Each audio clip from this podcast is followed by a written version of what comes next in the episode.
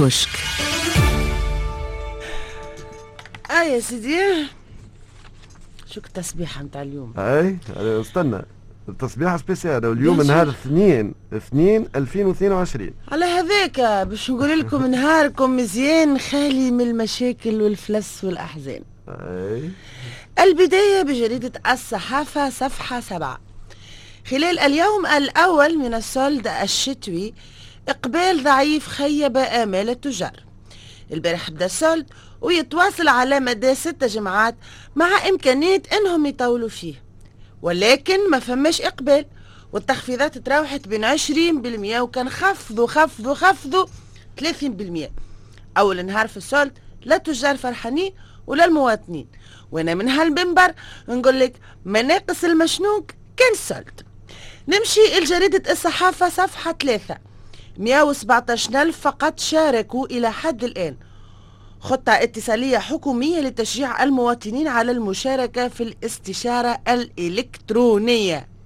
لا عاد.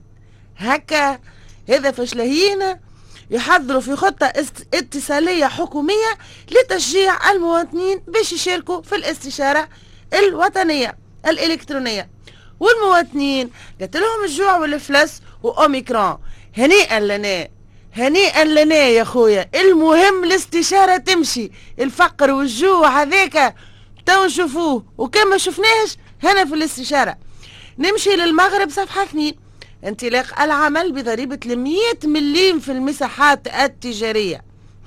يعني كي تدخل ل grande surface مساحة كبرى كما تشري باجيت ب 190 مليم تدفع عليها 100 مليم يعني الباجيت 290 مليم وكما تقضي ب 200 دينار 100 فرنك زايدة.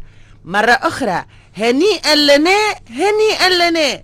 نمشي للشروق صفحة 8 خبراء الاقتصاد لأصحاب القرار أنقذوا تونس قبل فوات الأوان. أزمة اقتصادية خانقة نحن في عنق الزجاجة غارقين في الديون الفقر الدينار اللي طايح أضرار تلو الأضرار وضع صحي لبس في حالة حاسيلو أجواء تعميم البهجة الكل وجودة الحياة موجودة. اهي تسمع فيا؟ أها أه مش يسمع فيك. خاطر أنت تقول له راهي خلت وهو لاهي في الاستشارة.